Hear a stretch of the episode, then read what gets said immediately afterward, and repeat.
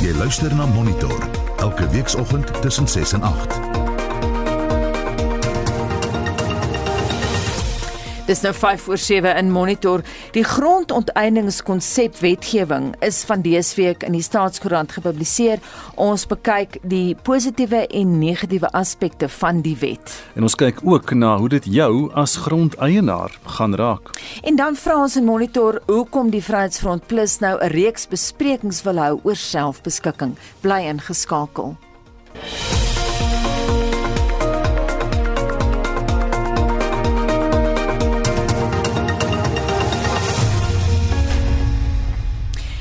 Die grondonteieningskonsepwetgewing is van dese week in die Staatskoerant gepubliseer en ons fokus nou op die politieke en regsaspekte van wat die wet vir ons inhou. En ons praat met Annelies Crosby, sy is hoof van grondsake by Agri SA. Goeiemôre Annelies. Goeiemôre. Annelies, ons het nou al in 2008, 2013, 2015 en 2018 dieselfde pad probeer loop met die wetgewing.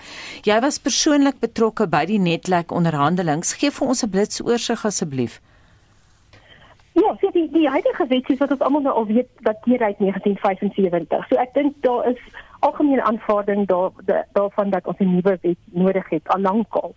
Ehm um, en en die eerste poging is in 2008 ehm um, aangewend. Dit was baie kontroversieel want wat die ehm um, regering daar probeer doen het was om die howe se toesig oor hierdie hele aangeleentheid baie te beperk en dit daardie um, wetsontwerp het uiteindelik teruggetrek uit die parlementêre proses as gevolg van die weerstand wat dit gekry het onder andere.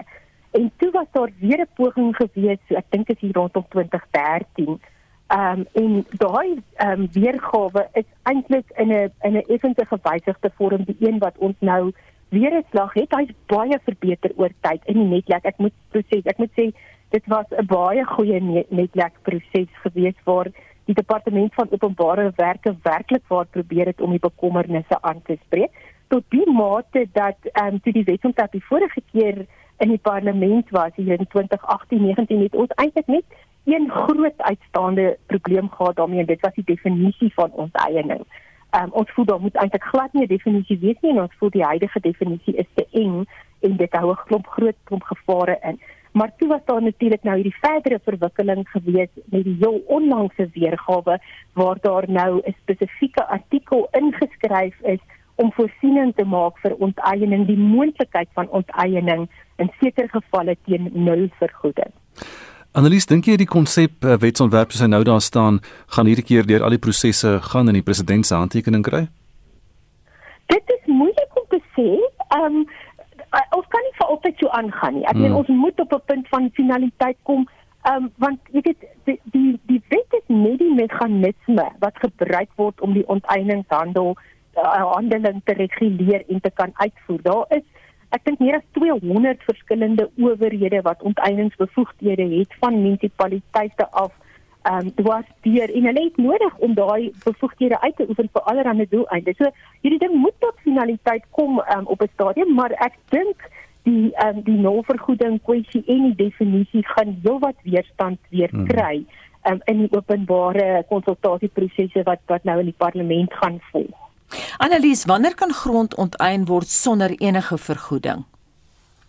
So wat belangrik is om te verstaan in die eerste plek is dat hierdie wetsontwerp skep bloot net die moontlikheid. So dit sê nie dit gaan definitief gebeur nie. Selfs nie in as jy um, een van daardie 5 of dit 5 of 6 gevalle wat die wet noem waar dit 'n jy weet waar dit kan gebeur nie. So daar daar word die die wetsontwerp sê basies dit mag onder sekere omstandighede regverdig en billik wees um, om 'n nulvergoeding te betaal. So daai woordjie mag sê vir jou dit is nie moet nie en die die kwalifikasie van die regverdig en die billik sal altyd geld. Met ander woorde, die eindresultaat moet getoets word daaraan of dit wel regverdig en billik is en die onteieningsgesag gaan moet duidelik moet sê hoe hulle uitgekom het by die nulresultaat. Nou dan lys hulle 'n aantal gevalle, voorbeelde, maar daar word ook gesê dat dit is nie noodwendig net hierdie omstandighede nie. Daar kan ook ander omstandighede wees waar dit die resultaat sal wees en dan noem die wetsontwerp dinge soos grond wat nie gebruik word nie ehm um, wat bloot vir spekulasie doeleindes ge, gehou word ehm um, waar daar ook nie 'n bedoeling is om dit binnekort te ontwikkel om te ge, of te gebruik nie grond waarvan die ehm um, eienaar oënskynlik afstand gedoen het. Die Engelse mm. woord is abandoned. Ehm um, en dan ook as waar daar 'n nul som is. Kyk, die grondwet maak ek moet nou reeds daai aantal faktore wat almal in ag geneem moet word wanneer vergoeding bereken word, markwaarde, geskiedenis van die verkryging, die doel van onteiening. As die nul die som van al daai faktore nul is, dan is hy nul. Ek meen dit is eintlik logies. Ehm um, en dan is daar ook 'n vreemde ene wat sê dat as die ehm um, spesifieke eiendom ehm um, 'n gesondheids- of veiligheidsgevaar inhou, dan kan dit onteien word teen nul vergoeding. En dan die laaste een wat eintlik die een is wat my dink wat die grootste impak op die boerderygemeenskap kan hê potensieel is waar daar hier arbeider eise is wat reeds op die stadium is waar dit beoordeel is as geldige eise en 'n hof of 'n arbiter moet 'n um, toekenning van vergoeding maak, dan kan dit ook potensiële nulvergoeding wees. Annelies, moet 'n mens onderskei tussen twee prosesse? Die een proses, die opdatering dan van die ou 1975 wet om hom nou by te by te bring by die moderne tye, en dan die ander proses, die die die verandering van die grondwet, artikel 25 van die grondwet. Moet 'n mens die twee apart sien of raak hulle nou verweef?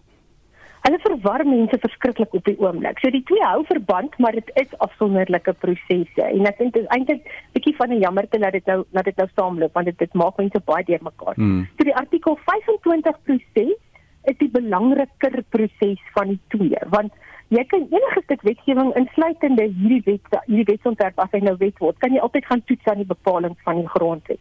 So dit is belangrik dat daai suiwer en duidelik moet wees dit wat in die grondwet moet staan en ons as Agri SA is verskriklik sterk gekant teen 'n wysiging van die grondwet veral vir politieke redes wat ons glo wat nou maar hierdie geval is.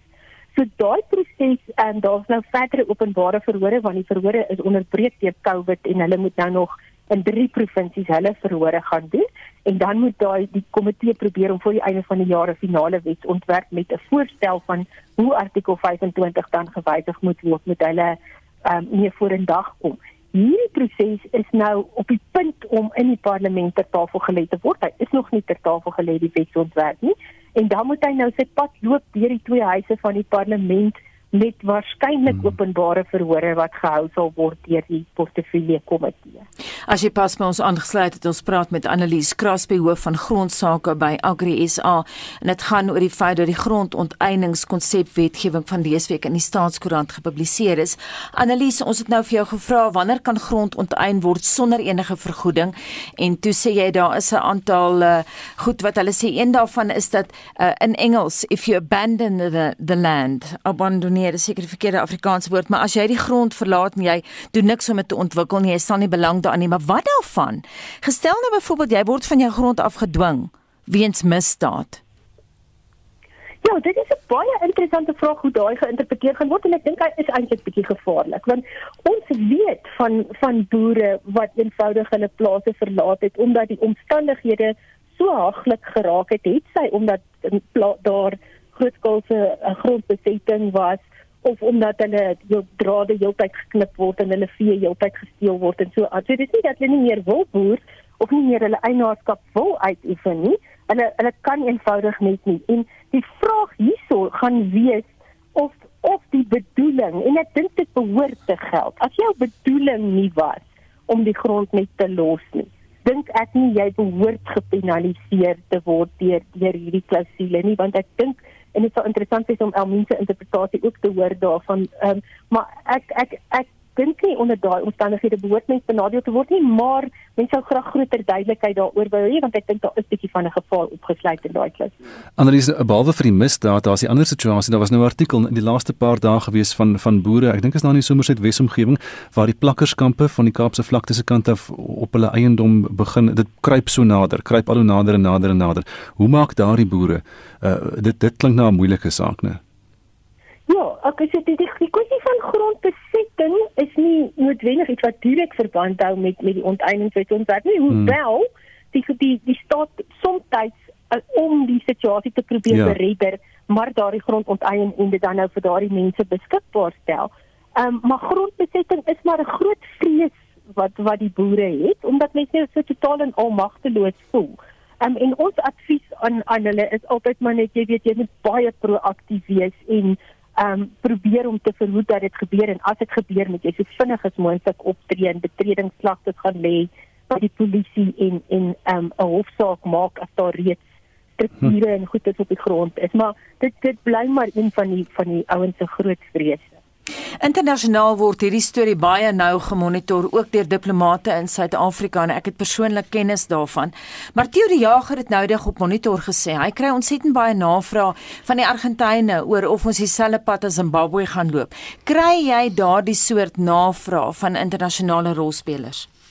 Weet jy daar is definitief groot internasionale belangstelling in die grondkwessie in die algemeen en en baie spesifiek in in die onteiening sonder vergoeding.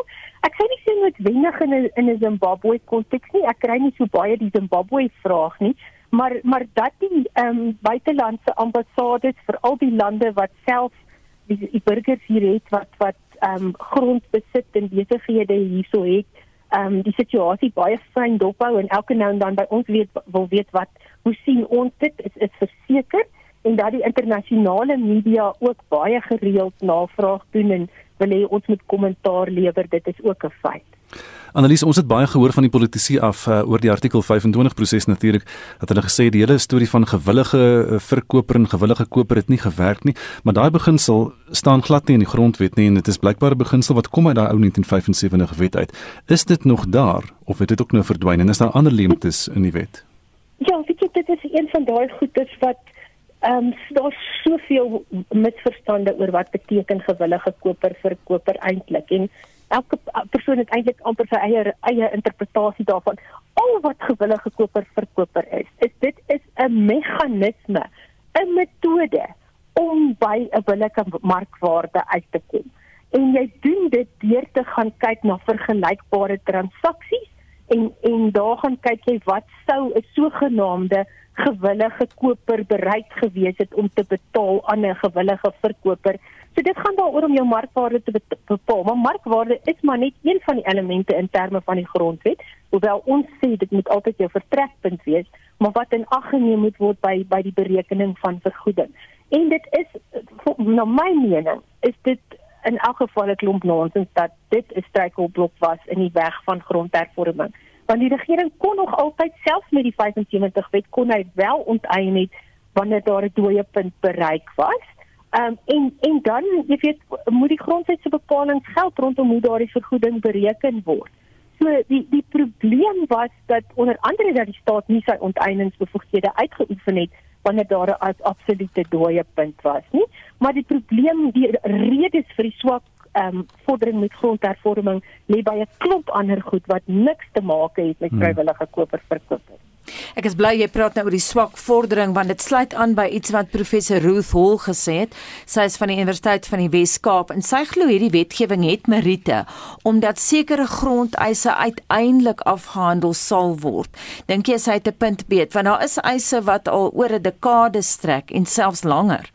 Ja, dit Ja, die staat moet noodwendig in sommige gevalle by 'n punt kom wat hulle geen ander keuse het as om te onteien nie soos byvoorbeeld tipies waar daar 'n geldige grondeis is en daar's 'n absolute dooie punt uh, en dit gaan oor die vergoeding.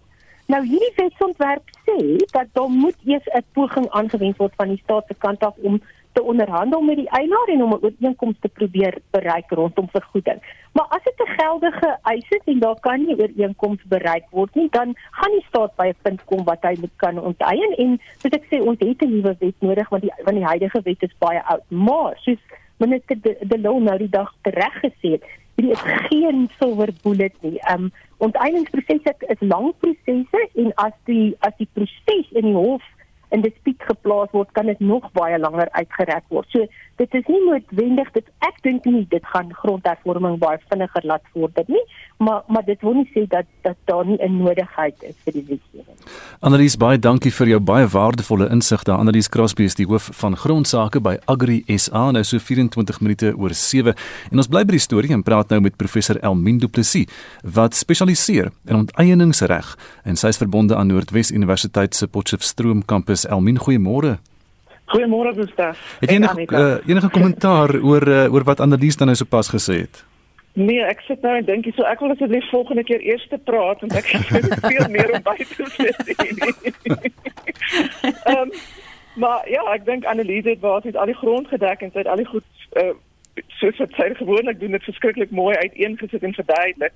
Ehm um, ek stem heeltemal ek ek sal wat dalk wil terugkom net na die willing buyer willing seller daai gewillige koper gewillige verkoper. Ja. Ehm um, gesprek want want die die uh die mekaarheid kom daarin. In die voor 90 jare het die Wêreldbank um, vir Suid-Afrika gesê as jy 'n grondhervorming doen, beveel ons aan dat jy nie onteiening um, gebruik as 'n metode om die grond te bekom nie, maar dat jy eerder probeer om deur onderhandelinge die grond oor te dra. En daai beleid wat die staat gevolg het, het hulle ongelukkig nou die willing buyer willing seller beleid genoem. En soos Anneliese ook dan tereg sê, as ons praat van willing buyer, willing seller in in onteieningsreg, dan het dit 'n baie spesifieke tegniese betekenis soos wat sy verduidelik het. So as partymense sê die willing buyer, willing seller is nie in die grondwet nie, dan bedoel hulle dalk jy weet die feit dat mens moet onderhandel vir grond om grond oor te dra in die grondwet nie. So ehm um, daai baie die mekaarheid veroorsaak, maar ek stem ook heeltemal saam met haar dat ehm um, dit beslis nie die oorsaak is uh, van die stadige uh, vordering en grondhervorming nie. Ehm um, ek dink wel daar was instansies waar die staat begin onderhandel het en waar hulle foute gemaak het in waardering en dalk oorwaardeer het en, en so geld verspil het of waar boere partykeer vir baie uh, buitesporige pryse gevra het is nie nie alle boere nie. Ehm um, so ek dink ehm um, daar was van die probleme daar maar om om alles net op daai proses uh, te blameer dink ek is is oneerlik. Die huidige konsepwet is nou gebaseer op 'n 2015 wetsontwerp, maar uh, toe is die proses gevnaai deur die gemeenskappe wat gedreig het met die hof en so aan. Watter groot verskille is intussen aangebring? Uh, ek dink Annelise daar ook uh dat dit duidelik gemaak dat die grootste verskil wat aangebring is van daai wetsontwerp en wat die een wat ons nou voor ons het is klousule 12.3 wat bepaal dat daar sekere omstandighede is waar die grond uh, onteien kan word deur nul vergoeding. Ek moet net by sê daai uh, die sorge van die gemeenskappe wat laas beteken het dat die die staatspresident net die wet onderteken het nie, dit is nog steeds nie volledig aangespreek nie. So ek gaan nou miskien hierdie proses dophou om te sien of in die openbare deelname proses van daai sorge aangespreek word. So van die goed wat nog steeds vir die gemeenskappe plaas en nou moet mens dink jy dink hier so aan 'n stuk grond waarop 'n groot geme gemeenskap bly, um, die sogenaamde communal land en daai grond moet nou onteien word vir 'n openbare doel. Hm. En daai gemeenskap moet nou gekonsulteer word. So in terme van die onteieningswetsontwerp moet daar 'n interaksie wees met die eienaars van die grond. So uit die aard van die saak moet daar ook 'n interaksie wees met die gemeenskap op die grond en die gemeenskappe sê die tyd die tyd glewe waarin daai uh, interaksie moet gebeur is hopeloos te kort om met 'n gemeenskap te onderhandel want gemeenskapsonderhandeling is is anders van aard as wat jy met 'n individuele eienaar onderhandel. So Ehm um, ek dink daai is een van die goed wat gaan uitkom in die openbare gesprek daaroor. I mean jy praat nou van 'n tuisleef wat te kort is. Uh, ons het ook gister gehoor by Annelies dat een van hierdie wette is gepubliseer op 22 Desember. Uh met ander woorde die regering moet darm die publiek genoeg kans gee om kommentaar te lewer en dit op die regte tyd te publiseer. Maar hoe lank het Suid-Afrikaners nou tyd om kommentaar hierop te lewer? Kyk, so ons is nog nie seker daarvan nie wat nou die uh, proses moet nog gevolg word. So wat nou gebeur het is die die wetsontwerp is net gepubliseer. Dit is nog nie voor die parlement nie. En soos wat ek dit nou verstaan, gaan die wetsontwerp nou eers na die komitee van die nasionale vergadering toe. Hulle gaan daaroor besin. Hulle gaan daaroor toegespreek word deur minister De Lille en dan sal daai komitee die proses aan die gang sit en en dit sal 'n normale proses volg wat die wetsontwerp volg. Hulle sal dit sal natuurlik waarskynlik ook na die raad van provinsies moet gaan omdat dit gemeenskappe raak. En dit vat gewoonlik 'n ruk. So daai daai nasionale raad van provinsie proses alleen is gewoonlik 6 tot 8 weke. So ek dink nie ons sal waarskynlik die jaar uh, die wetsontwerp vir die nasionale um, vergadering sien dien om om dit te stem uh, in wetgewing te word nie. Ehm um, en dit maak ook sin op 'n manier want dit loop nou parallel met die artikel 25 proses en daai proses word gesien om afhandel of hoop hulle om af te handel voor die einde van Desember. Hmm. Ek moet jou sê ek hoop regtig nie hulle hulle publiseer weer hierdie ding of hulle vra vir kommentaar in Desember nie. Ek dink ons almal het vakansie nodig hier na 2020. hierdie hierdie openbare kommentaar wat hulle so vra, ehm um, soos jy nou sê, daar's daar's 'n tydsbeperking daarop. Gebruik hulle die openbaar uit jou ervaring uit nou? Gebruik hulle die openbare kommentaar? Neem hulle dit in ag en is dit moontlik om alles in ag te neem as mense wet maak? Ja, kyk, die aard van demokrasie is maar so jy neem deel en jy het nooit 'n regtig jy, jy kan nie sê of jy impak gaan hê en of mense gaan luister of nie, maar dit is belangrik om deel te neem. Maar uit my persoonlike ervaring neem hulle beslis kommentaar in ag, veral as dit uit goeie beredene kommentaar is. Ek ek dink byvoorbeeld ehm um, die wetsontwerp analise praat nou dat hierdie wet eintlik in 2013 al begin het. Die proses wat van daar af gevolg is en wat verfyn is, hulle het beslis ehm um, baie van die uh, aanbevelings wat gemaak is ehm um, in ag geneem selfs die die 2018 publikasie daai een wat op 22 Desember gebeur het daai klousule 12.3 daai is goed wat daar ingenoem word was baie gaaf gestel en hulle het regte poging aangewend om dit duideliker te maak wat hulle in gedagte het byvoorbeeld met grond wat verlaat word of um hmm. grond wat gehou word vir spekulatiewe doeleindes want, hmm. want dit was deel van my kommentaar wanneer spekuleer jy meeste van weet as jy tog 'n tweede stuk grond koop kan dit as sulks as spekulasie gesien word. Ehm um, so dat daar moet duidelikheid duidelikheid kom. So hulle neem wel die die kommentaar in ag. Ek dink dit gaan ook daaroor as mens terug met goeie trou in 'n gesprek ingaan. Ehm um, dan luister mense. Maar jy kan natuurlik nie daarop aandring dat jou standpunt die een is wat met CV nie. Ek dink dit is belangrik om dit te onthou. Amen, bly vir ons op die lyn. Ons kom terug na jou toe, maar nou eers die hooftrekke.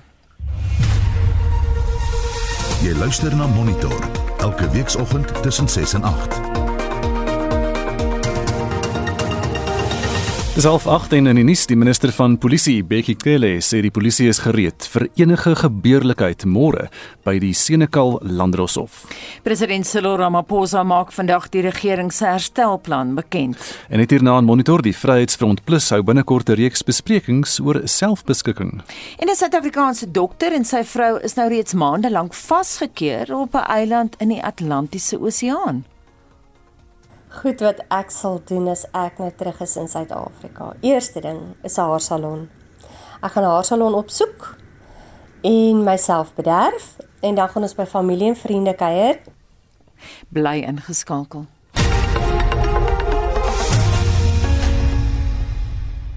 Ons keer terug na ons gesprek met Elmien Du Plessis. Elmien, Annelies het vlugtig uh, daaroor gepraat, maar nie regtig uitgebrei nie. Die konsepwetgewing bepaal dat daar 'n regverdige en 'n billike vergoeding moet wees vir grondonteiening. Dis die presiese woorde regverdig en billik. Nou, wie presies gaan dit bepaal? Hoe werk daai proses? Okay, so as jy die proses in die wet kyk, dan sal jy sien soos Annelies ook reg gesê, die staat moet eers probeer om te onderhandel. Ehm um, en dit gaan maar deur 'n gewone onderhandelingsproses. Daar word 'n aanbod gemaak en dan en dan praat mense daaroor en as daar dan 'n uh, 'n deadlock is, dan kan mense nou oorgaan aan die onteieningsproses te volg. Uh, in terme van die wet moet die staat dan 'n uh, kennisgewing dien op die eienaars van die grond om te sê dit is 'n uh, die grond wat hulle wil onteien, so 'n presiese uiteensetting te sê van wat dit is wat hulle wil onteien die rede vir die onteiening en ek dink dit is net so belangrik. Uh dis 'n is 'n belangrike beperking op die staat se mag. Die staat moet 'n geldige rede hê vir die onteiening en dan op daai selfde kennisgewing met die staat ehm um, sê wat die bedrag is wat hulle gaan aanbied vir vergoeding. En as die eienaar nie saamstem met daai bedrag nie, kan die eienaar vir die staat vra hoe het julle by hierdie bedrag uitgekom. Nou gewoonlik stel die staat uh waardeerders aan wat gekwalifiseer is en en aan 'n liggaam behoort om hierdie grond te waardeer uh in in lyn met waarderingsbeginsels en prosedures. Uh so as die staat dan kom met hulle verduideliking, dan gee dit die eienaar kans om sy eie waardeerder te bring en te sê wel dit is die die die som wat my waardeerder uitkom. So dit is min of meer hoe die proses werk. Dit is 'n baie tegniese proses. Ehm um, dit is natuurlik verskriklik moeilik en ek dink dit is waar ons baie vassit en dit was baie groot probleem in die howe ook oor hoe om iets wat soos billikheid en vergoed uh, en en regverdigheid te vergoed of hoe daai da impak kan hê want daar's nie altyd 'n monetêre waarde aan billikheid en regverdigheid nie. Dit is dit is abstrakte terme. Dit is maklik om iets uit te werk soos markwaarde al is daar verskillende maniere om dit te doen, maar dit is baie moeilik om te sê dit is billik en regverdig. So die argument wat ek maak en ek weet dit is 'n soortgelyke argument wat Theo Boshoff by Agribusiness maak is dat ons moet 'n onderskeid tref tussen die waarde van grond en die vergoeding. Om dit waarde gaan oor die goed wat waardeerders doen en dit meestal markwaarde en so aan terwyl vergoeding wat billik en regverdig moet wees kan verskil van van van waarde maar hoe die persoon wat daai besluit moet maak wat billik en regverdig is daai besluit moet uitoefen is nog iets waarmee ons ehm um, jy weet so 'n bietjie probeer uitwerk hmm. veral in die akademie ook so dit dit is moeilik ek dink nie mens moet ehm um, dink dit is 'n maklike taak wat wat die mense het wat die vergoeding moet uitwerk nie. Gepraat van vergoeding, jy sê jy hou nie van die term onteiening sonder vergoeding nie. Hoekom nie? Kyk as as 'n as 'n 'n 'n regslei wat nog op taal ingestel is, ehm um, op presiese taal ingestel is, ek dink nie daar is so iets soos onteiening sonder vergoeding nie. Onteiening as 'n regsbegrip vereis juis vergoeding en dit is hoekom ek probeer klem lê en ek bly analise dit ook gedoen op die term nul rand vergoeding hmm. en en dit gaan maar daaroor as jy al soos wat hy baie mooi verduidelik het as jy daai hele proses volg die opweeg van die belange die faktore in ag neem en daai hele balansskaal op nul rand val um, dan is dit nul rand maar dit is nog steeds vergoeding en wat dit beteken die plig om te vergoed is steeds daar al is dit nul rand en dat jy dan vir die staat kan sê maar ek stem nie saam met jou analise van of jou jou beredenering om tot by 0 rand uit te kom nie.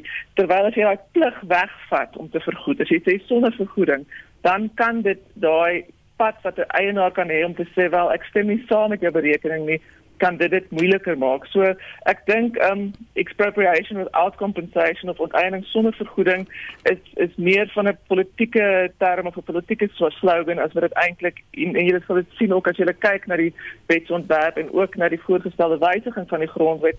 Hulle praat nie van sonder vergoeding nie, hulle praat van nul vergoeding en ek dink dit is 'n baie belangrik is dalk uh, dit klink dalk semanties Uh, maar in die reg het dit wel 'n verskil.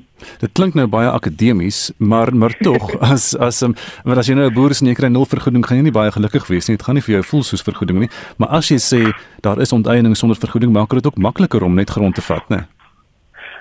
Uh, wel ja, soos ek sê, mens moet ook onthou daar is die vereiste dat dit gedoen moet word in die open vir die openbare hmm. doel of in die openbare belang en dit is ook 'n baie belangrike beperking die staat se mag en daai doel word gewoonlik uiteengesit in wetgewing soos die restitusiewet het 'n bepaling dat die staat mag onteien as daar geldige eis is en die grond oorgedra moet word en dieselfde by die huurarbeiders. Die groot probleem wat ons het in grondhervorming uh, is daar is in die herverdeling kyk daar's met daai drie programme En in die herverdeling program um, is daar nie regtig wetgewing wat dit duidelik uiteensit en die staat duidelike mag gee dat hulle wel grond kan onteien vir herverdeling doeleindes nie. So voordat daai wetgewing ek gesien um advokaat uh, ten Bekker en Kaitobet nou reg daaroor ook getweet het hmm. gesê sonder daai wet, wetgewing maak dit nie regtig sin vorm dat hierdie wetsontwerp deurgaan en wat hierdie goed met soort van saamloop. Uh alhoewel ek dink dit is 'n beperkte uh blik op onteiening, onteiening soos analise ook reg gesê het, dit gaan weet die staat onteien daagliks vir, vir ja. verskillende redes soos om 'n pad te bou hmm. of 'n dam te bou of hmm. So onteiening is nie net 'n kwessie in grondhervorming nie, dit is natuurlik die kwessie wat wat ons hmm, meer bekommerd maak. Ja. Baie dankie dit aan professor Elmin Du Plessis wat spesialiseer in onteieningsreg verbonde aan Noordwes Universiteit se Potchefstroom kampus. Bye.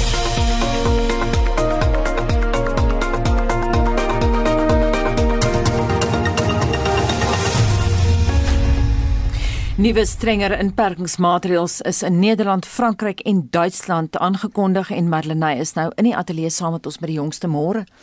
Europese leiers is bekommerd oor die tempo waarin die virus weer begin kop uitsteek. Die Duitse kanselier Angela Merkel en die Franse president Emmanuel Macron het die media onderskeidelik hieroor toegespreek. Überzeugt, ähm, dass das, was wir jetzt in diesen Tagen und Wochen I am convinced that what we do and what we don't do in the coming days and weeks will be decisive for the question of how we get through this pandemic, because we can see that the curves of the infection rates are pointing upwards, in part quite steeply. Nous n'avons pas perdu le contrôle. We have not lost control. We are in a situation which is worrying and which means we shouldn't remain inactive, but we shouldn't panic. We cannot get through this if everyone doesn't play their part, doesn't do their bit. In Frankryk is inperkingsregulasies ingestel in 8 stede insluitend Parys en restaurante en kroë ly veral hieronder. In Nederland is alle restaurante, kroë en kafees tydelik gesluit.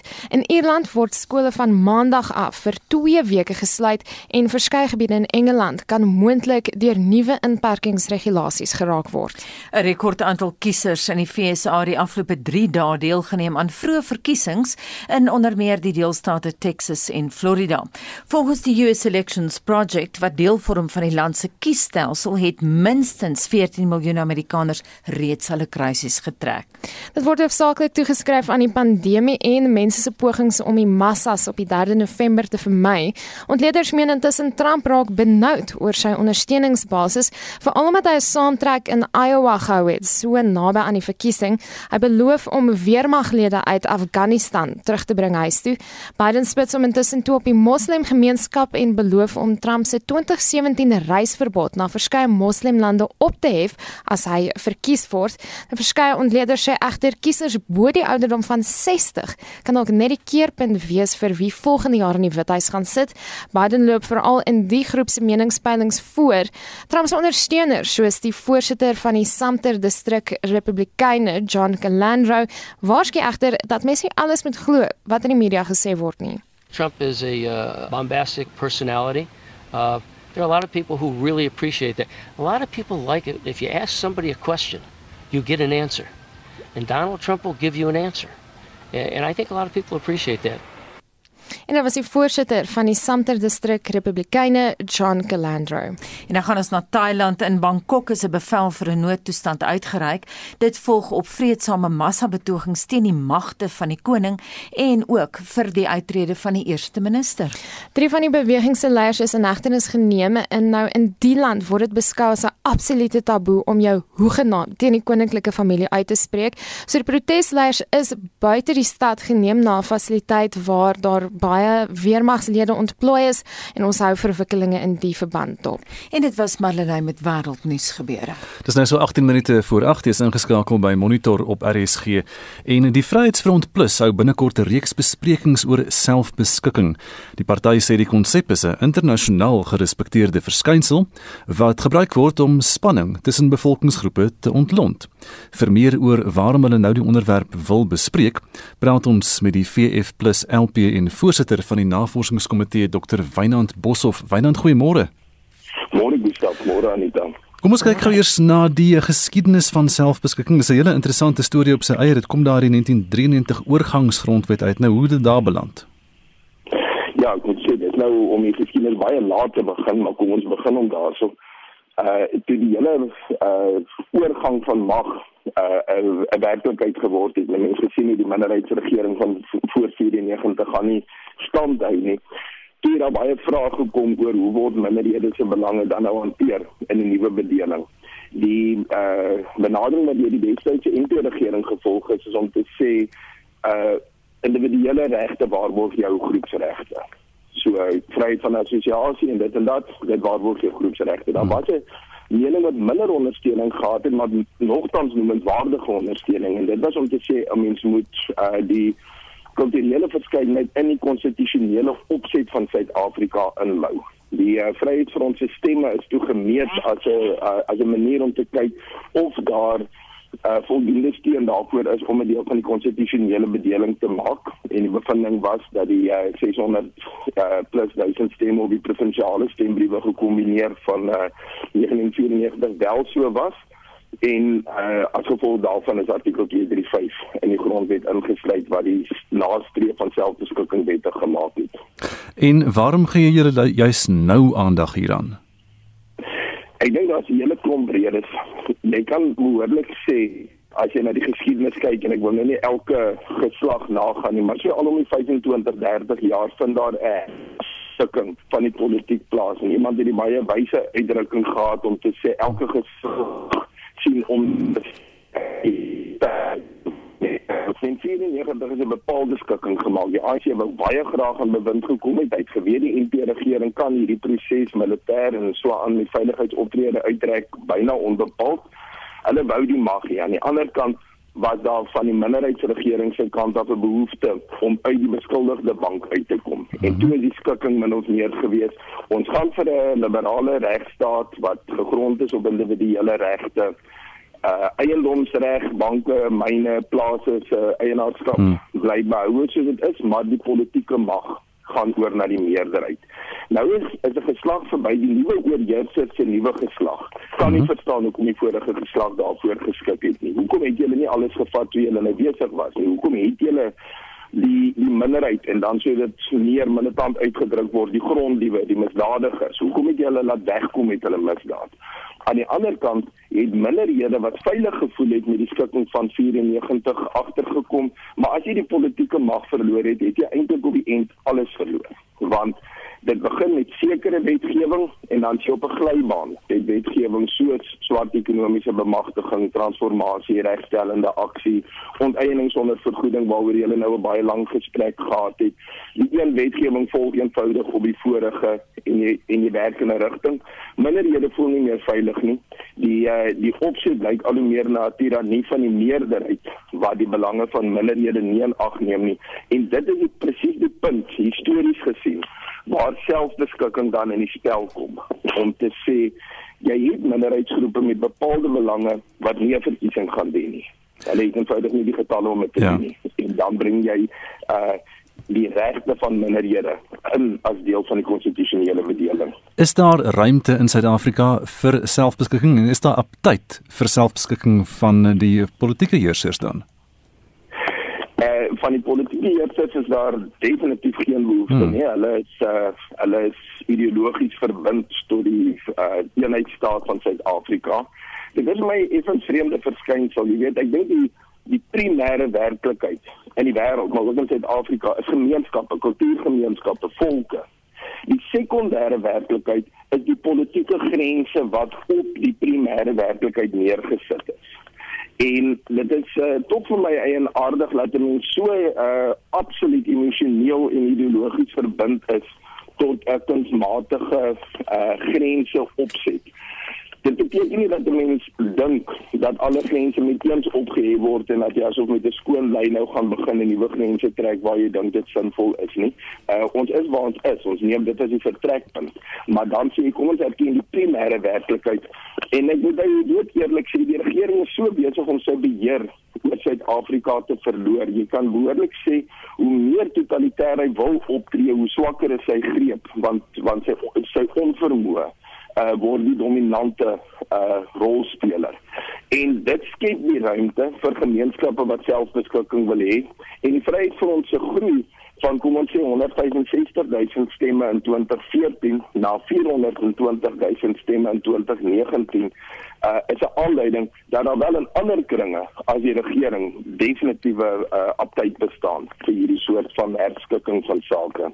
Maar dit is nie asof die ANC uh, môre die land so so Switserland gaan laat gaan laat word nie. So hoe gaan dit in die praktyk dan lyk? Hoe gaan so 'n selfbeskikking werk? Ja, dit is 'n belangrike deel van uh hoekom ons hierdie konferensie aanbied. Daar is in die 90er jare baie goeie en deeglike navorsing gedoen wat nogal toepaslik was vir toe, maar intussen soos ons weet, hmm. het uh heel wat tyd verloop. Nou moet ons weer dink daar is baie uh valse opposisies in die debat oor selfbeskikking. Is jy nou vir territoriale beskikking of is jy vir kulturele selfbeskikking? Jy moet kies. Die een sê grondgebied met selfbeskikking, die ander een sê kultuurregte waar jy ook al in die land woon. Ons het in gunste van albei, want hulle speel verskillende rolle. Ehm um, jy hoef nie te kies nie. As jy ten gunste van soewereine onafhanklikheid, daar was 'n vreeslike gewilde stelling in die 90er jare soewereine onafhanklikheid of niks, toe is dit niks. Met ander woorde, as jy tevrede met uh, uh meer elementêre vorme van autonomie Wel dit is boustene waar jy ook al eindig. Uh is die boustene die plaaslike forme van autonomie. Met ander woorde ons kiel as jy nie daai keuse maak nie, is jy nie 'n ware aanhanger van selfbeskikking, daai tipe ding nie. Hmm. En dit is hoekom ons in hierdie dinge opvat. Aan die een kant het ons 'n uh, uh teoretiese grondslag en nou moet ek sê ons het die beste onafhanklike kenners ingebring omdat ons sê ons het die beste advies beskikbaar nodig. Daar's natuurlik nog mense maar uh, nou ja, daar's daar ook nie ruimte vir so vir ons teoretiese grondslag. Dan sien ons hoe lyk selfbeskikking vir 'n kultuurgroep wat uh, oor die land versprei is. Natuurlik is die hoek waar ons praat Afrikaners, maar daar's meer meer minderheidsgroepe met die met dieselfde probleem. Wynand baie dankie Dr. Wynand Boshoff is die VF+ LP en voorsitter van die navorsingskomitee. 'n Suid-Afrikaanse dokter en sy vrou is nou reeds maande lank saam met 245 eilandbewoners weens die COVID-pandemie vasgekeer op een van die mees afgeleë bewoonde eilande ter wêreld, Tristan da Cunha in die Atlantiese Oseaan. Maar dokter Alex Wonner en sy vrou Sally van Oos-London het al verskeie eilande besoek, soos die 8 weke wat hulle op die Falkland-eiland en amper 3 maande wat hulle op Sint Helena gewerk het. Ons Namibiese korrespondent, Frikkie Wallis, berig uit Swakopmund. Ek het Sally toevallig op Facebook raak geloop toe sy gereageer het op 'n inskrywing wat ek gedoen het oor die groot vulkaniese uitbarsting op Tristan da Cunha op 10 Oktober 1961. Destyds moes al 264 bewoners die eiland ontruim en is hulle sonder hulle troeteldiere en ander diere per boot na Kaapstad geneem. Nadat Sally goedkeuring van die eiland se administrateur gekry het om met ons te praat en 'n paar internetonderbrekings later weens slegte weer op die eiland, kon ek die volgende verslag saamstel. Tristan de Cunha, die eiland se mense, sal ons maar sê, Tristaniërs, praat van Cunha. Uh, die eiland is omtrent halfpad tussen Suid-Afrika en Suid-Amerika. 2800 km van Suid-Afrika af en 3400 km van Suid-Amerika af. Die naaste vasmeerplek is St Helena wat 2400 km ver is. Maar hoe het dit gekom dat die wonders daar beland het? My man het op verskeie Britse eilande gewerk en so van Tristan da Cunha gehoor. En uh, toe aansoek gedoen om hier as 'n locum dokter te kom werk en dit is hoe ons nou maar hier opgeëindig het. Ons eerste besoek was in 2015 vir 4 maande en van toe af elke jaar uh, vir ongeveer 6 tot 9 maande. Maar met die COVID-19 uitbraak hierdie jaar kon ons nou nie die eiland verlaat nie. Maar ons verwag om Februarie 2021 te kan teruggaan Suid-Afrika toe. As gevolg van die grense wat gesluit was en dokters nie kon reis tussen Europa of die UK dan en Suid-Afrika nie. Dit is nou wat gemaak het dat ons sou moet aanbly want ons kan nie die eiland verlaat as daar nie dokters is wat my man en die ander dokter kan aflos nie. So, ehm um, dan bly ons nou maar aan tot ons die geleentheid kry om te kan afgaan. Sally is almal daarom daar ingelig oor COVID en voel julle nie nou nog meer afgesny van die buitewêreld nie?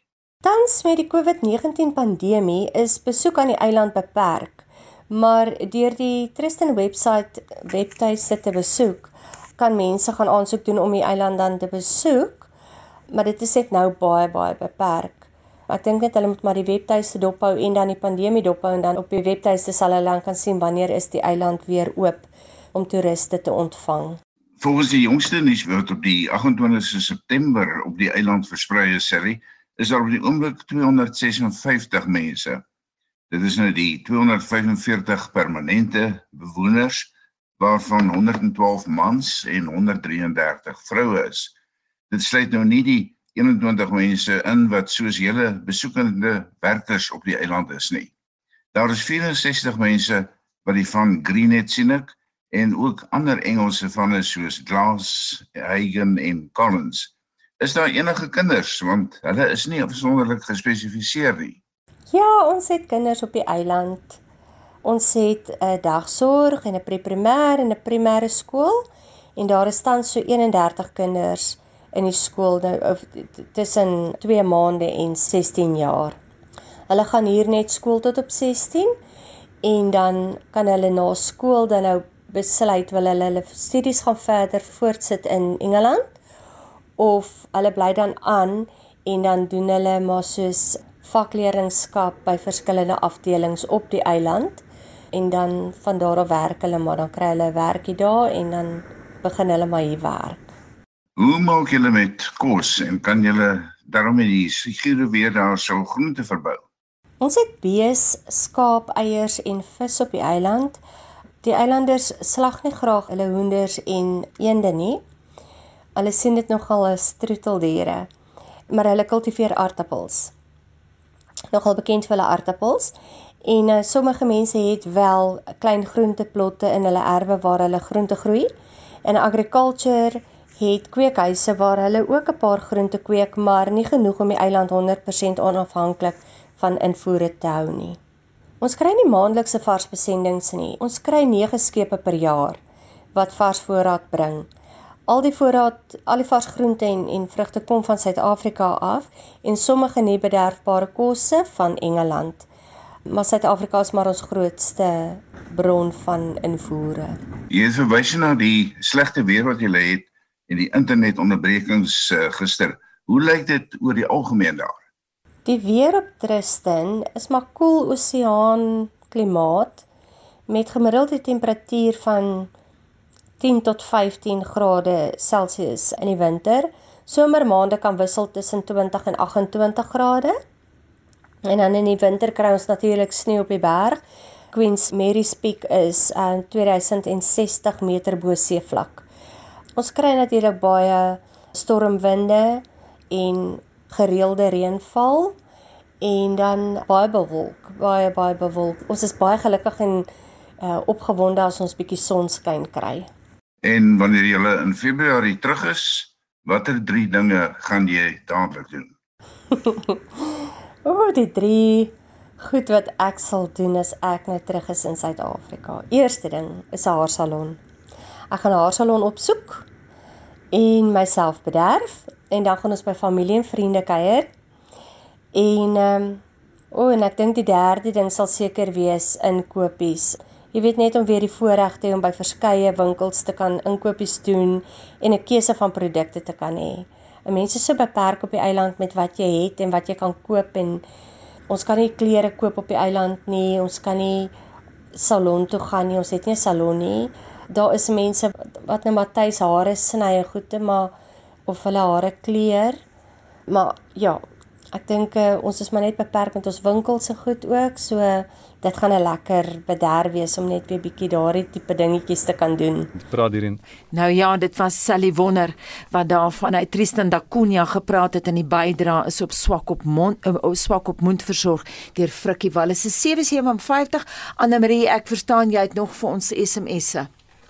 Ja, Beth Ferreira sê sy stem glad nie saam met selfbeskikking nie. Ek haal haar aan Nee wat, ons het die selfbeskikking ding mos al onder die vorige bedeling gedoen en dit het misluk. Die groot vraag is en was, wat doen jy met die miljoene mense in daai gebied wat nie wil afstyg nie?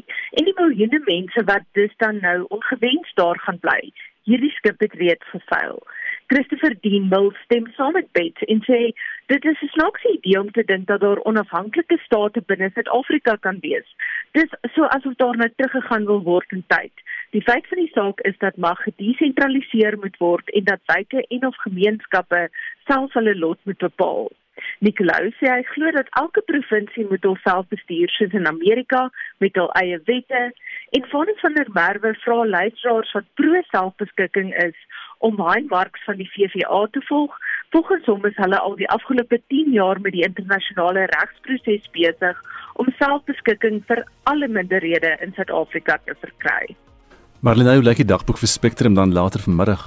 Ons bied 'n voorskou van die verwagtinge van die aankondiging van die ekonomiese herstelplan wat so tweeër bekend gemaak word. 'n 28-jarige man verskyn vandag in die Bronkhorstspruit Landroshof dis in verband met 'n gewelddadige plaasaanval in die gebied in September en ons praat met die Agri-sektor eenheidsforum oor die onlangse verwikkelinge om plaasaanvalle. En daarmee roep ons halt namens ons waarnemende uitvoerende regisseur Hendrik Martin, die redakteur vanoggend was Justin Kennerly, ons produksieregisseur was Lewona Bekes, my naam is Anita Visser. Bly ingeskakel hier by RSG want volgende is dit praat saam met Lenet Francis Spuren. Ek is Gustaf Vreiling en Anita is terug môreoggend om 6:00. Mooi bly tot dan.